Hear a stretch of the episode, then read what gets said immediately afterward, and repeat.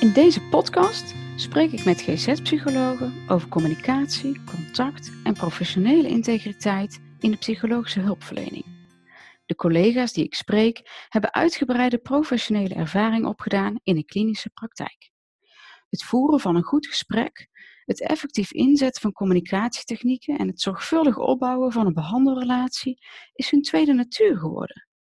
Samen met hen pluis ik de waarde van hun professionele kennis voor startende professionals uit. We spreken over algemene tips, leerzame ervaringen en specifieke aandachtspunten voor specifieke doelgroepen. Ik wens je veel luisterplezier en inspiratie toe.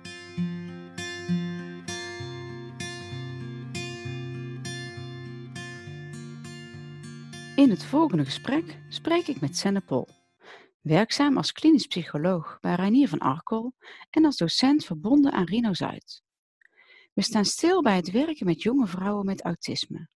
En we spreken onder andere over het proberen een ander na te doen, deskundige overkomen, professioneel een emotie gebruiken, het doen van beloftes, een spiegel zijn voor collega's en antennes van een kilometer.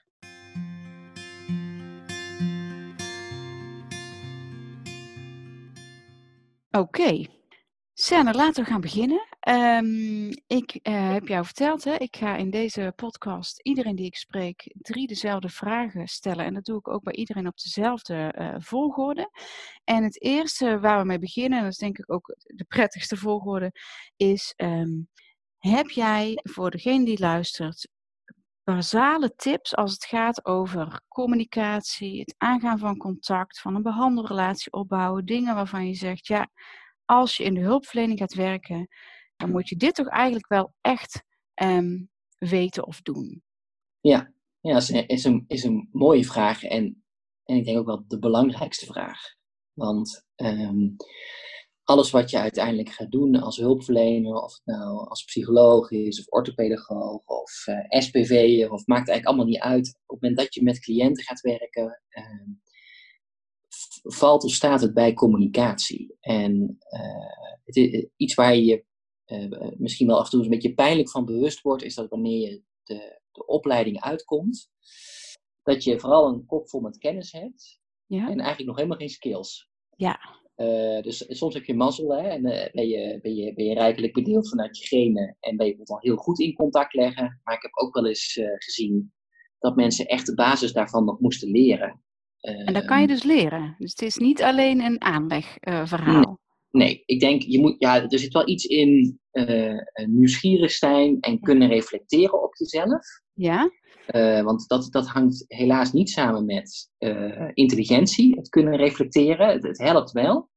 Maar ik heb hele slimme mensen gezien die weinig zelfinzicht hebben en ook niet kunnen krijgen. En mensen die, die een ander opleidingsniveau hadden, die heel goed konden reflecteren op zichzelf. Ja. Dus dat is ook een beetje aanleg, denk ik. Ehm, maar ga ervan uit dat, dat we nu even hebben over mensen die dat kunnen. Die kunnen reflecteren, die zijn nieuwsgierig, stellen vragen. Um, dan, dan, dan, dan heb ik wel een aantal, aantal tips voor ze. Ja. Um, en ik denk de allerbelangrijkste is, en dat, dat klinkt zo'n hele simpele, het is bijna een soort toilettegeltje, is ben jezelf. Oh. En daarmee bedoel ik, uh, neem, neem als basis, en ondanks dat je flexibel moet zijn hè, in therapie, maar neem als basis een personage wat je zelf bent, wat je echt zelf bent. Dus niet een mal waarvan je denkt, zo moet ik zijn, of niet een kopie van, van je eerste werkbegeleider die je heel erg waardeert of adoreert. Maar um, pak een versie van jezelf die echt dicht tegen je eigen persoonlijkheid aan ligt. Ja, ja, ja, ja, ja, ja, maar dat lijkt me nog niet zo makkelijk als je dat zo zegt, hè? Nee, absoluut niet.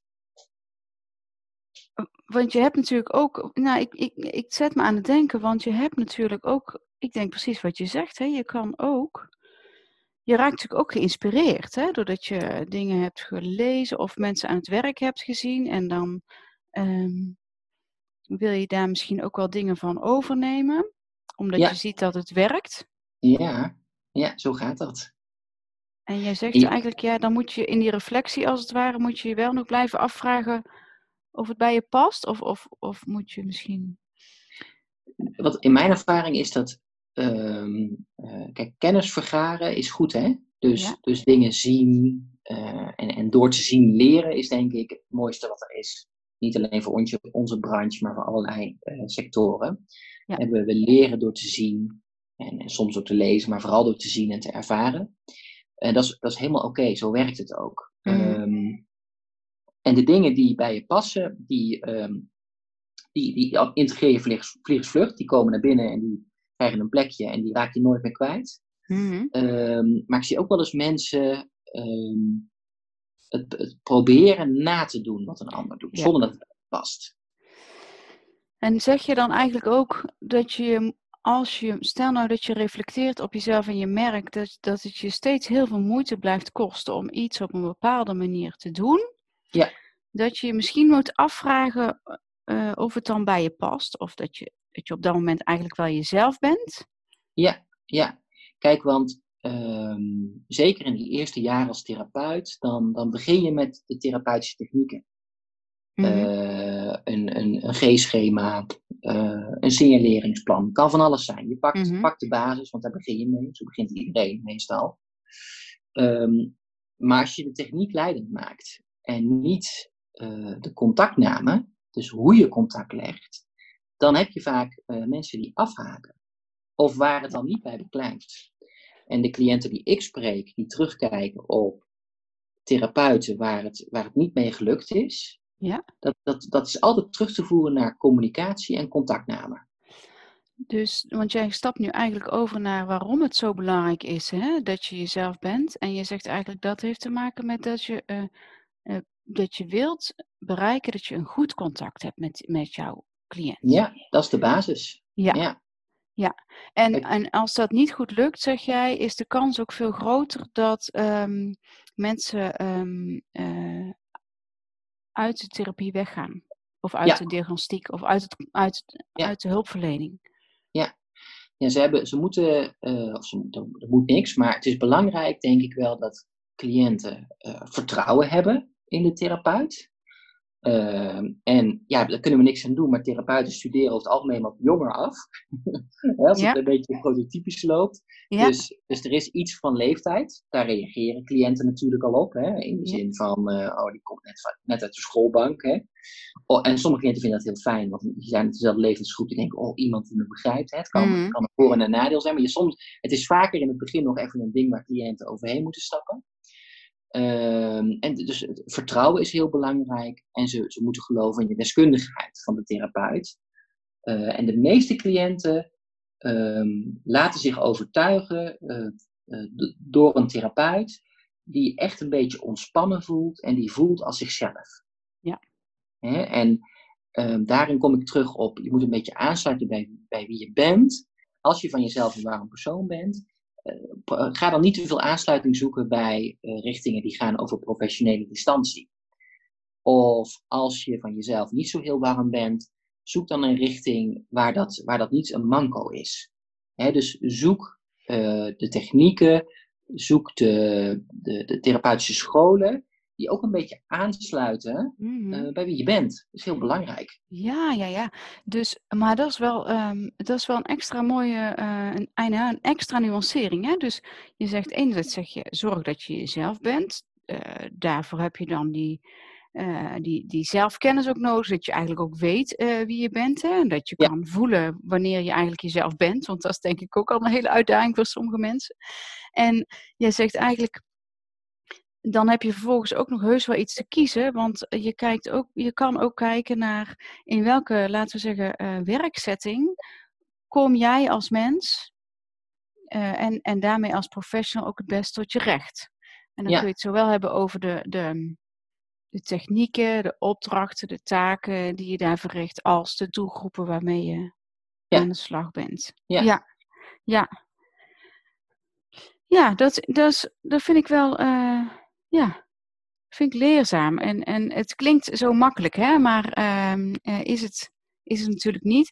Waar ik ook een beetje aan moet denken, uh, is dat um, um, mij als docent vaak gevraagd is door studenten van ja, maar hoe moet ik nou dingen doen, hè? bijvoorbeeld in een gesprek, hè? als je een gesprek begint. Hè? En dan ehm, zou je het liefste willen dat er een soort gouden regel komt over, zo doe je dat. Maar eigenlijk geef jij al antwoord op de vraag waarom dat helemaal niet zo is, dat er maar één manier is.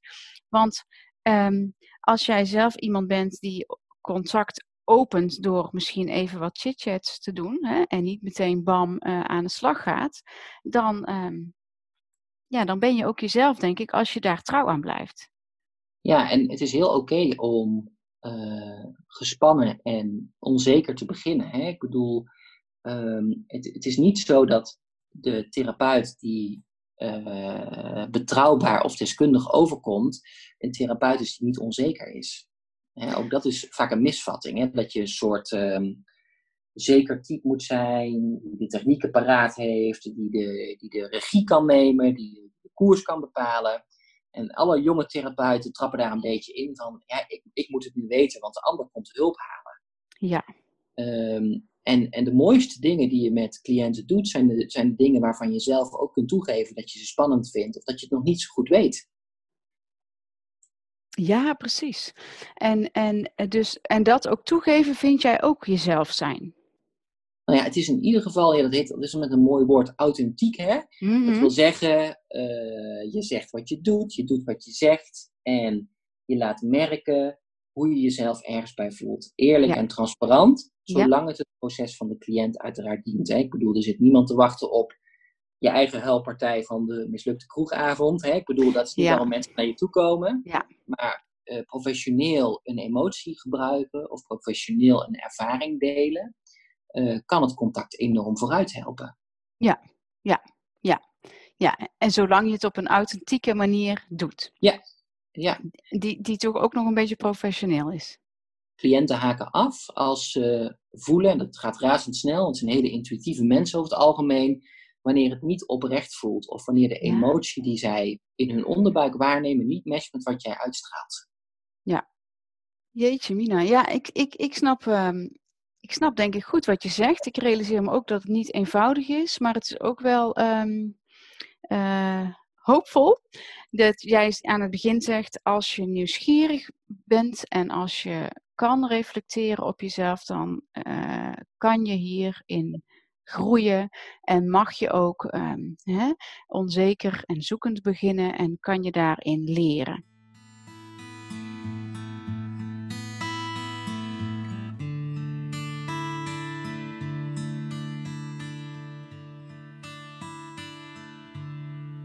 De tweede vraag die ik je zou willen stellen, heeft te maken met de vraag of je uh, misschien in jouw, uh, in jouw werk, uh, werkzame leven um, blunders hebt begaan of bepaalde ervaringen hebt opgedaan waarvan je zegt, oh, die zou ik echt eens willen delen, want daar kan, kunnen anderen echt enorm van leren. Ja, ja, ik denk, ik denk terugkijkend, ik werk, werk, nu een jaar of dertien in de GGZ, dus aldoende leert men. Ja. Um, terugkijkend naar de dingen waarvan ik achteraf het minst trots ben, uh, dat zijn de momenten waarin ik inderdaad iets deed of verlangde van mezelf wat ik op dat moment nog niet kon. Oh, of um, waar ik niet eerlijk over ben geweest naar een cliënt omdat ik dat spannend vond of het gevoel had dat het dan zou falen in hun ogen. He, dus um, kan je een concreet voorbeeld geven? Ja. Zonder, wel natuurlijk in de anonimiteit van, uh, van de cliënt, maar dat zal voor jou uh, natuur, natuur zijn. Nou, ik, ik, kan me een hele uh, complexe cliënt herinneren van een tijd geleden alweer. Een jonge vrouw die complex trauma, nog van alles eromheen hing er. Um, en dat, dat was echt een cliënt dat was, was, was de uitdaging van de afdeling, zeg maar. Iedereen uh, ving een beetje bot bij haar. En uh, dan was therapeut A de gebeten hond en dan therapeut B. En ik had op een gegeven moment best goed contact met, uh, met haar. Dat, dat streelde mijn ego ontzettend. Hè? Ik dacht van, mm. ja, ik ben nou meneer de redder, hè? Naar mij gaat het lukken. Ja, ja. ja. hè, kijk, zuigt er maar een puntje allemaal. Ik, ik, ik ga nu binnenkomen. En in mijn enthousiasme. En ik, ik wilde ook echt die persoon graag helpen. Hè. Ik kwam uit een goed plekje. Ja, ja. Um, over, overstrekte ik mezelf enorm in wat ik haar beloofde. Ja. aan wat ik kon doen voor haar of wat ik kon waarmaken. En zij is daar zodanig in teleurgesteld dat ik eigenlijk onbetrouwbaar en onveilig werd voor haar. De beloftes die ik had uh, uitgesproken kon ik niet waarmaken in de praktijk. Ja. Uh, bijvoorbeeld, hè, um, iedere week gaan wij, uh, gaan wij belangrijke dingen bespreken. Hè, dat heb ik haar toegezegd. En nou, de, de, de, de dagen verliepen anders. Ik, ik, ik, ik moest een afspraak afzeggen. en, en in die basis was ik al zo onbetrouwbaar dat het hele proces stagneerde. Ze heeft me eruit geflikkerd een paar maanden later. Een collega moest het overnemen. En het heeft toen uh, bijna vier maanden geduurd voordat we het weer konden repareren. En ik moest echt uh, figuurlijk op mijn knieën om dat okay. goed te maken. Maar wist jij op het moment dat je dat deed ook dat jij haar beloftes deed die je niet kon waarmaken? Of kwam je daar Nee. pas later achter? Echt pas later. Hè? Dus dat bedoel ik met reflecteren, reflecteren, vragen Ja. stellen aan je collega's, nieuwsgierig blijven naar. ehm, ja, ik, ik voel me gekrenkt en ze raakt mijn onzekerheid. Dus mijn eerste primaire reactie is: ja, hè, het zal wel aan haar liggen of eh, het, Ja. hè, ik kan er niks aan doen. Maar ja, toch jezelf in de spiegel blijven kijken waarom jij in, in de ziekte van de ander, hè, want de ander is, is, is, is- heeft een ziekte, hè, daarvoor komen Ja, ze. Die hebben wat, wat, waar- waarvoor ze komen. Eh, dat, die zijn vaak hele pure versies van zichzelf. En als ze flexibel konden veranderen, dan waren ze vaak niet in therapie. Ze komen iets halen bij je. Ja. Dus per definitie is het professioneel om bij jezelf te kijken van oké, waar heb ik de aansluiting gemist? Wat heb ik gedaan, onbedoeld misschien wel, wat haar verder de put in heeft geduwd op dat moment? Of wat getriggerd heeft in een oud Mhm. thema of een Mhm. rode draad waarvoor ze misschien wel ooit de therapie in is gekomen. Dus het is Ja, het, eh, Ja, ja. maar, dat, maar dat, nou, ik, ik, ik, ik denk nu eigenlijk van alles, want ik denk sowieso vind ik het wel leuk. ehm, eigenlijk laat je nu precies zien eh, wat je, eigenlijk, je practice what you preach. Hè? Dus je, stelt je nu heel kwetsbaar op eh, door dit te delen. Dus dat vind ik, vind ik eigenlijk heel mooi, want zo zie je dat je dat allemaal eh, leert als je meer ervaring krijgt. Ehm, maar je zegt, kijk, het is natuurlijk fijn als je achteraf door reflectie kan ehm, begrijpen waarom, je, waarom iemand bij jou is, ehm, nee, we zeggen volgens mij nu even afgehaakt. Hè? Klinkt een beetje on- oneerbiedig misschien, maar goed, dat, dat zo zeggen we het even. Is, is, is nou ja, ja, toch wel eens afgehaakt in het contact. Ehm, maar dat wil natuurlijk nog niet altijd zeggen dat je dat ook aan de voorkant allemaal kan eh, voorzien. Nee, Dus eh, als jij zegt, ja, eigenlijk ehm, eh, ging ik daar toch een beetje met te veel tromgeroffel in. Hè? En eh, heb ik daar te grote beloftes gedaan? Ehm, ik kon je ook zeggen, ja, op dat moment was ik me daar helemaal niet van bewust.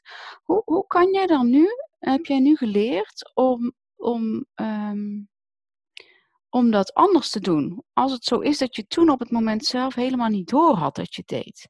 ja. Nou ja, dat is, ehm, dat is dus ook. eh, kijk, eh, reflecteren doe je, doe je over het algemeen vaak achteraf. Ja, En je kunt het vo- vooruit doen hè, met, met supervisie of, of leertherapie of eh, door, door mee te kijken naar cliënten waar je zelf niets mee hoeft of beelden te zien van anderen.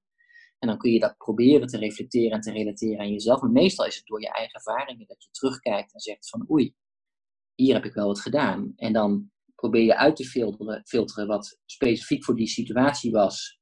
Maar, en wat bij jou als persoon hoort, hè? want dat kom je dan vaker tegen, die thema's. Mhm. Dus je probeert uiteindelijk in zo'n nabeschouwing te kijken, nou, wat was echt uniek voor deze situatie? Het is goed dat ik het bij, bij deze cliënt heb geleerd, maar een andere cliënt kan anders zijn. Maar ook, wat zijn dingen uit mezelf, door Mhm. mijn eigen leergeschiedenis, door mijn eigen karakter, eh, of misschien wel door het moment in het jaar, eh, hè, wat dingen die hebben meegespeeld in mijn persoonlijke leven, die maakten dat ik dit op, dat, op die manier gedaan heb. En, En- dat zijn over het algemeen de meest wijze lessen. Ja, ja en, en, ehm, als we het dus hebben over reflecteren, dan, dan eh, kan je daar dus en dingen achteraf uithalen die jou iets leren over de cliënt, Ja. maar ook dingen die jou iets leren over jezelf. Dus je kan eigenlijk op twee manieren, eh, laten we zeggen, je doet het natuurlijk in één gedachte al, maar je kan twee kanten op, op reflecteren of je reflectie richten op de ander of op jezelf. En als je het dan hebt over die reflectie op jezelf, want dat lijkt me wel bijzonder moeilijk.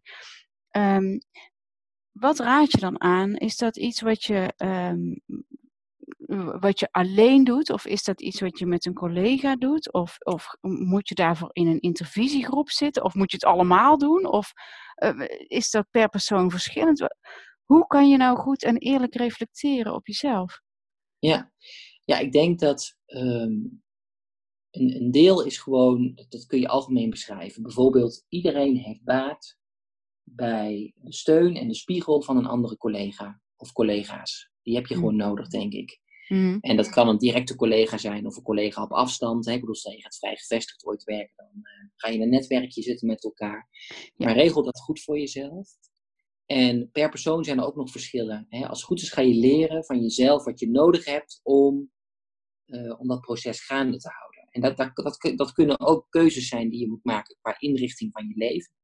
He, van bijvoorbeeld, de, ik kan maximaal zoveel uur werken om ruimte te houden voor mijn eigen proces of mijn eigen balans. Ja. Of um, ik kan bepaald werk wel doen, maar het kost me te veel energie. Dus dan ben ik niet meer zo'n hele goede therapeut. Dus ik moet een ander soort werk doen of een andere doelgroep. Uh, er zijn mensen die bijvoorbeeld uh, geen nachtdiensten uh, willen draaien, omdat ze dan overdag geen goede versie meer van zichzelf zijn. Dat is ook een beetje zoeken en daar eerlijk over zijn. Hè. hoef je, geen, je hoeft geen Uber therapeuten zijn, of ubermensch, maar je mag ook je kwetsbaarheid daarin meenemen. Ja. Maar reflecteren doe je uh, voor een heel groot deel samen en voor een klein deel ook wel alleen. Um, alleen, ik, ik, de, mooiste reflecties die ik heb gemaakt, dan spreek ik maar gewoon persoonlijk, dat waren de reflecties waar de ander zich heeft geleend om een spiegel voor mij te zijn. Oeh, wat zeg je daar iets abstract. En wat, wat um, heb je daar een mooi voorbeeld van, wat je zou willen delen? Hoe, hoe kan jij iets leren van dat een ander een spiegel voor je is? Nou ja, een goede spiegel vind, vind ik ook weer persoonlijk. Hè? Uh, en dan kom je een beetje bij die, bij, wat zit ongetwijfeld nog steeds in de opleiding, is, dat, is, dat, is die Socratische dialoog, hè? het Socratisch motiveren. Wat eigenlijk gewoon gaat over hele goede vragen blijven stellen, zonder het in te vullen voor de ander. Ja. ja de beste reflecties waren bij mij um, collega's uh, waarvan ik wist dat ze me een warm hart toedroegen, waar ik me veilig bij voelde. Ja. Die gewoon eerlijke vragen durfden te stellen zonder het te veroordelen. Hè? Ja. Want uh, je leert over het algemeen toch heel slecht op het moment dat je voelt dat de ander meteen een oordeel heeft over hoe je in de penarie bent gekomen. Want dat weet je vaak al ja. van tevoren. Ja. Je weet dat er iets niet goed is gegaan. Ja, ja, ja, dus het is wel belangrijk dat we hier inderdaad even bij stilstaan. Want jij bedoelt dus eigenlijk met spiegelen helemaal niet iets als iemand die jou confronteert. Hè? Uh, uh, maar, um, en dan bedoel ik eigenlijk vooral confronteert met eventueel daar ook echt nog allerlei normeringen bij. Uh, maar je bedoelt een spiegel in de zin van um, nou, bepaalde, laten we zeggen, uh, waardevrije verdiepingsvragen aan jou stellen, waardoor jij eigenlijk ja, nog beter in je eigen spiegel kan kijken. Ja. Naar jezelf. Ja ja, en de openheid voelt hè, om stil te staan bij wat je zelf anders had kunnen doen. Ja. Hè? En meestal als mensen, daarom zeg, kom ik er terug op, hè, wat heb je in de basis nodig? Als je in de basis hebt dat je nieuwsgierig bent, dat je, dat je kunt en wilt reflecteren, dan ben je ook iemand die onzekerheid kan voelen. En waarschijnlijk al gevoeld heeft voordat je de ander om hulp vraagt. En om dat naar buiten te krijgen en een proces op gang te brengen waarin je wat kunt leren, is nodig om je veilig te voelen. Ja, en eh, zeg maar, ik weet helemaal niet of je dat zo kan zeggen, maar wat is jouw eh, natuur? Reflecteer jij zeg maar na elk gesprek wat je gevoerd hebt? Of doe je dat zo eens één keer in de week? Of, of is dat heel verschillend? Hoe, hoe werkt zoiets? Um, dat, dat, dat, wat ik heb voor mezelf ontdekt, hè, in de zin van dan kom ik terug op dat punt van richt het goed in voor jezelf, is ik werk dan nu klinisch. Hè, dat wil zeggen, ik loop van afdeling naar afdeling. En ik heb bewust een aantal afdelingen die verspreid over het terrein liggen. Dus ik loop regelmatig tussen de woongroepen in. En door de natuur of langs de bomen of langs de kippen. We hebben allemaal, allemaal dieren op het terrein. Um, en, dat, en dat helpt mij, merk ik. Ja. Om, om een leeg hoofd te houden. En om tussendoor te kunnen nadenken over wat is eigenlijk net allemaal gebeurd. Ja. Toen ik op de polykliniek werkte, had ik acht, negen cliënten achter elkaar. Met een beetje geluk, vijf minuten reflectietijd, als ik mijn verslagje ook had geschreven dat was zo'n hoge drukpan, weet je. Ja, Voor mij heeft dat niet goed gewerkt. Hè. Voor een ander kan dat weer het Valhalla zijn. Ja. Uh, maar ik heb echt moeten ontdekken dat, uh, dat de ene setting me wat makkelijker tot reflecteren brengt en de andere het eigenlijk bemoeilijkt. Ja, Ja, ja. Leerzame inzichten um, uh, komen toch ook weer daarbij terug. Hè? Dat, je, dat je goed naar jezelf moet kijken. Of moet, moet kijken wat je zelf nodig hebt. Alert moet zijn op patronen die blijven terugkeren. Met, welke, met wie je ook werkt. Hè? Daar kan je, kan je misschien wel het meeste van leren.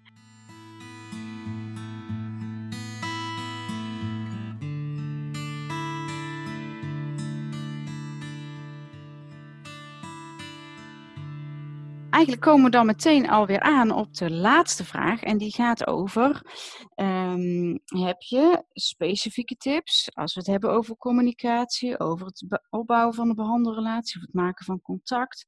Voor een specifieke doelgroep. Je hebt een hele brede ervaring. Um, welke doelgroep zou jij centraal willen stellen als wij op deze vraag ingaan? Nou, ik heb een uh, hele warme affiniteit, hè, los van dat ik inderdaad breed werk, maar ik heb een warme affiniteit met uh, uh, meiden en, en, vrouwen met, met autisme. Mm dat is een groep cliënten waar ik de afgelopen acht jaar mee heb gewerkt. En die ik ook in toenemende mate zie, herken en dus ook op die manier bejegen en behandel.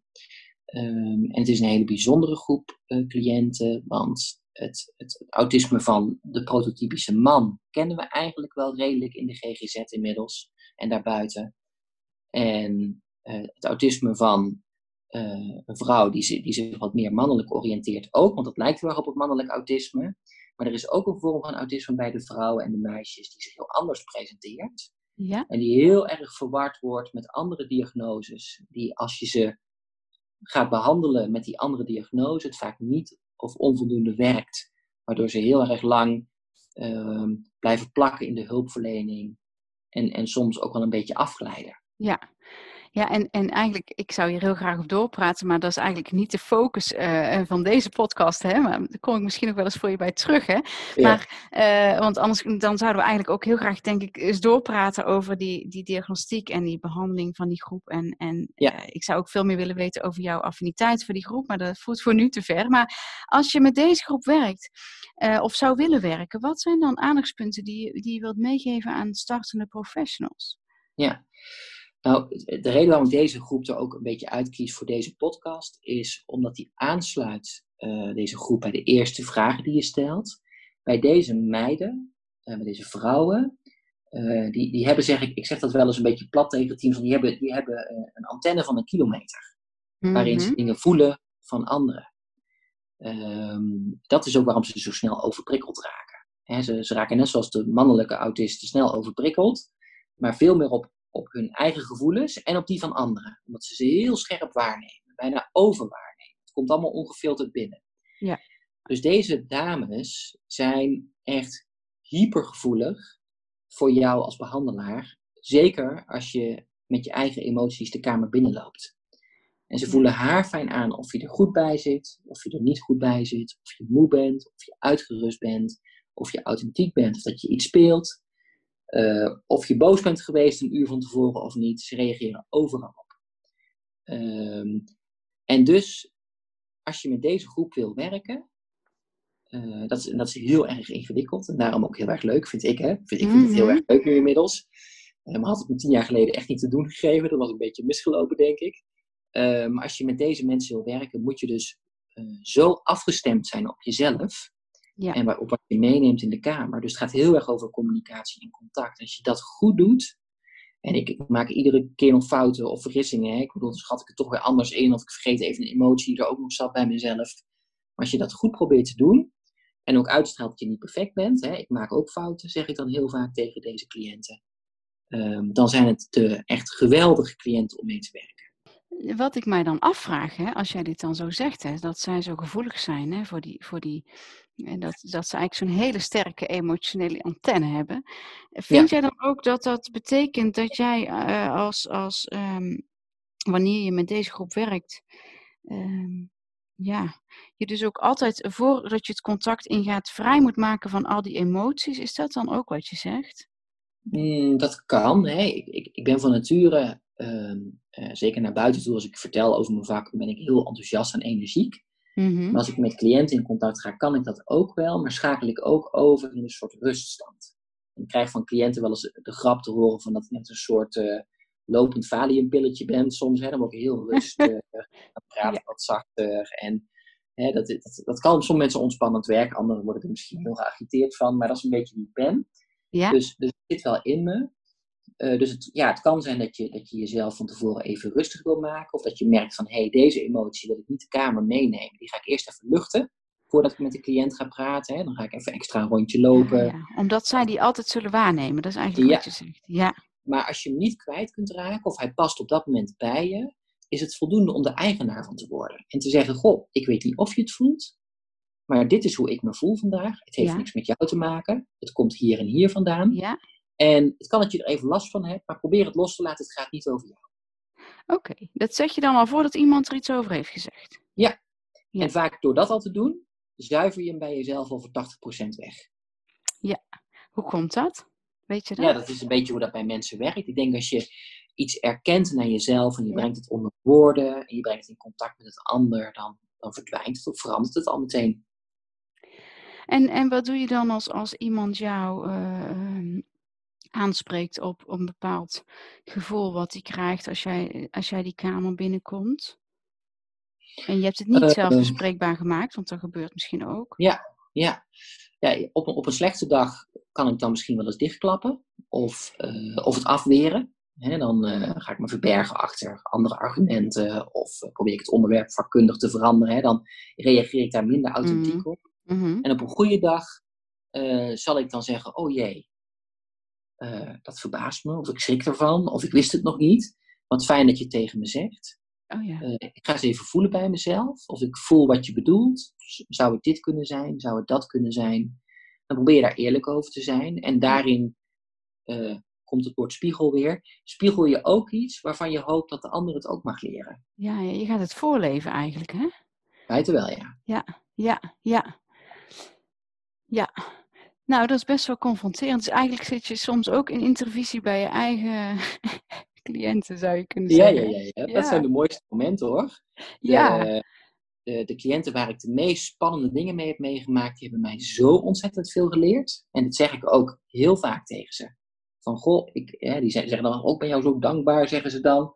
Ik zeg, goh, fijn dat je het zegt. Ik neem je compliment graag aan. Ik zeg, maar het is zeker wederzijds. Ik heb ook heel veel van jou geleerd. Ja. En, en daarvan zeg jij volgens mij, want dan moet ik meteen denken aan, dat moet je dan ook alleen doen als je het meent. Zeker. Want anders wordt het een trucje, hè? Nee, dat, dat, dat, eh, dat, dat pikken ze dan weer haarfijn op. Zeker Ja. die doelgroep die ik nou in de spotlight zet. Als, dat, als dat nep is of, je, of dat is een trucje. Ja, dat, dat, dat, dat weten ze al voordat ik het gezegd heb. Ja, ja. Jemig, Ja. Het is misschien ook nog wel een, een groep die, ehm, ja, dat zeg je eigenlijk zelf ook al, hè? Nog, nog een beetje eh, onderbelicht wordt. Ja, als ik ze tegenkom, ehm, dan moet ik ze meestal uit de separeercel vissen. Omdat ze vaak helemaal afgegleden zijn en automutilerend, getraumatiseerd ergens in een hoekje wegkwijnen. Het zijn vaak hele heftige dossiers bij dit soort cliënten. Omdat ze gemist worden, niet gezien worden, omdat die contactname eigenlijk verdwijnt op het moment dat ze spannende dingen doen. Voor zichzelf, maar ook voor de omgeving. En dan verhardt het contact, of wordt het ehm, meer medisch.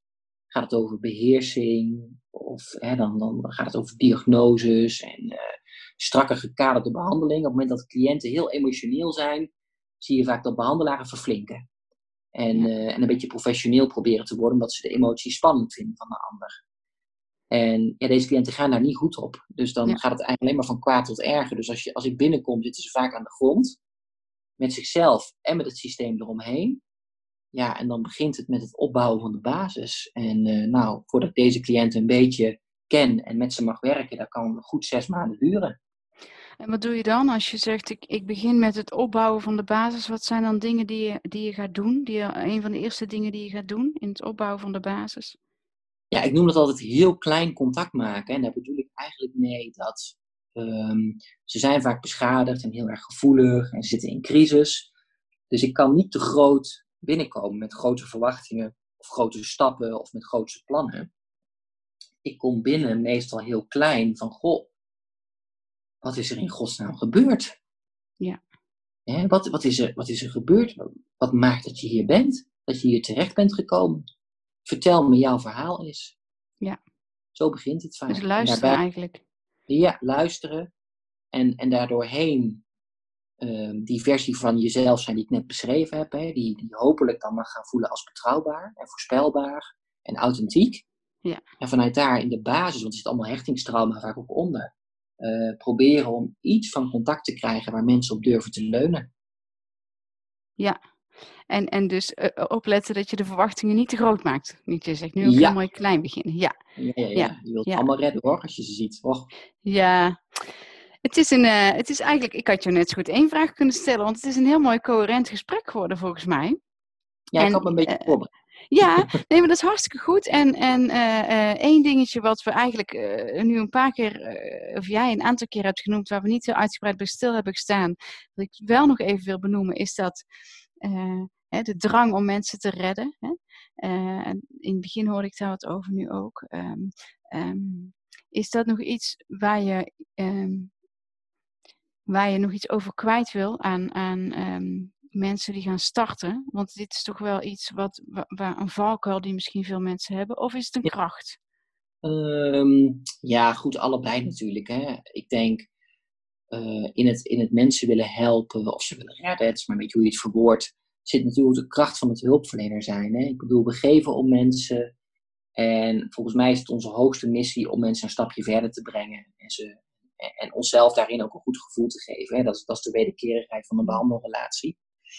Ehm, maar rondom hè, dat, dat, dat te redden waarin het, waarin het problematisch wordt, is op het moment dat je je verantwoordelijk maakt voor iets waar de ander verantwoordelijk voor is. En dat, dat maakt hem heel ingewikkeld. Hè. Cliënten kunnen soms onbedoeld, eh, en zonder dat ze, dat, dat, en nogmaals, dat, dat, dat is niet wat ze willen, maar soms komt het tot stand dat ze verantwoordelijkheden die ze zelf niet kunnen of willen dragen, uitbesteden aan de behandelaar. Eh, Mhm. Het meest duidelijke thema, ook al zal niet iedereen dat meteen tegenkomen, is carrières bijvoorbeeld rondom suïcide. Hè, dat, Mhm. ze, dat, ze de, dat ze de wens tot het beëindigen van hun leven ehm, in het contact leggen met de therapeut. Ja. En kijk, eh, begrijp me niet verkeerd, hè? als iemand vanuit een toestandsbeeld, bijvoorbeeld een psychose of een acute depressie, ernstig suicidaal is, dan gaat het over bescherming en dan eh, gebeurt er niks met jou als persoon, want dan zijn ze gewoon in crisis.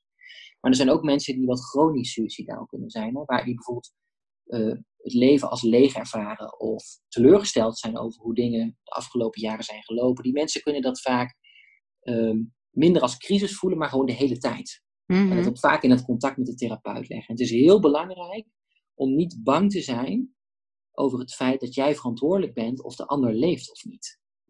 Ja. Ja. Want dat is, dat is iets wat alleen de ander kan beslissen. En dat probeer ik ook altijd heel authentiek over te brengen, zonder de ander het gevoel te geven dat ik niet om ze geef. Hè? Kijk, Ja. het is niet dat ik dan zeg van, jij mag dood, het maakt mij niks uit. Maar wat ik wel zeg is van, goh, ehm, die grote beslissingen in het leven, over geluk, ongeluk, leven, dood, die grote beslissingen, die kan alleen jij zelf maken. Ik kan met je meewandelen, ik kan er, kan er op, op reflecteren, ik kan met je meehuilen als het nodig is, maar Ja. die grote besluiten neem je Ja. zelf. Nou, het is natuurlijk wel, het is natuurlijk best een, een, een, eh, een, een heftig voorbeeld, maar eh, ik denk dat het wel een heel duidelijke metafoor is, want je kan het natuurlijk op allerlei soorten problemen ehm, eh, projecteren. hè. Dus je bent ook niet eh, verantwoordelijk voor de, eh, de verslaving die een ander heeft, of, of, of de, de, de, angsten, denk ik, die de ander heeft. Nee. Ehm, dus je- ik denk het, het, het mechanisme wat je schetst, kan je ook op, op andere ehm, Ja. problemen van cliënten eh, ehm, van toepassing laten zijn. Ja. En nou, dan is de cirkel echt rond, want eigenlijk zeg jij dus, eh, het, is, het is helemaal niet erg. Het is zelfs goed en het kenmerkt professionals dat, dat je graag hè, je inspant om anderen eh, te helpen of verder te helpen of te ondersteunen of te, te begeleiden. Hè. Ehm, maar je hebt eigenlijk dan weer die, die zelfkennis en die zelfreflectie nodig om daarbij wel alert te zijn. Ja. Dat je, dat je wel eh, verantwoordelijk blijft voor wat jouw aandeel daarin is en wat het aandeel van de ander daarin is. En Ja. door dat goed te doen, ehm, bekrachtig je de ander ook in zijn identiteit en zijn eigenheid. Want als suïcide ook al wil je er misschien primair graag van af bij een cliënt, hè? of wil je het oplossen, Mhm. als het bij de ander hoort op dat moment in de tijd, Ja. kun je het ook ontkennen door het snel weg te proberen te maken. Hetzelfde met Ja. een verslaving. Ja. Tuurlijk, iemand wil er graag van af, maar voor een deel hoort het er ook bij op dat moment. Hè? Dus het is Ja. ook authentiek om wat de ander voelt, beleeft of het patroon waar die in vast zit, om dat een plekje te geven en het niet over te nemen of te willen veranderen.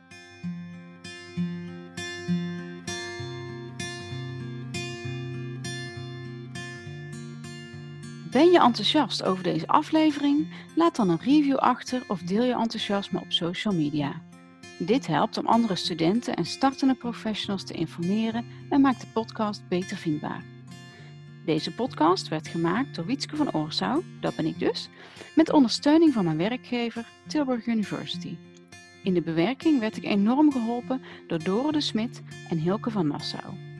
De muzikale begeleiding werd, met grote dank, mogelijk gemaakt door Linda Zelmans.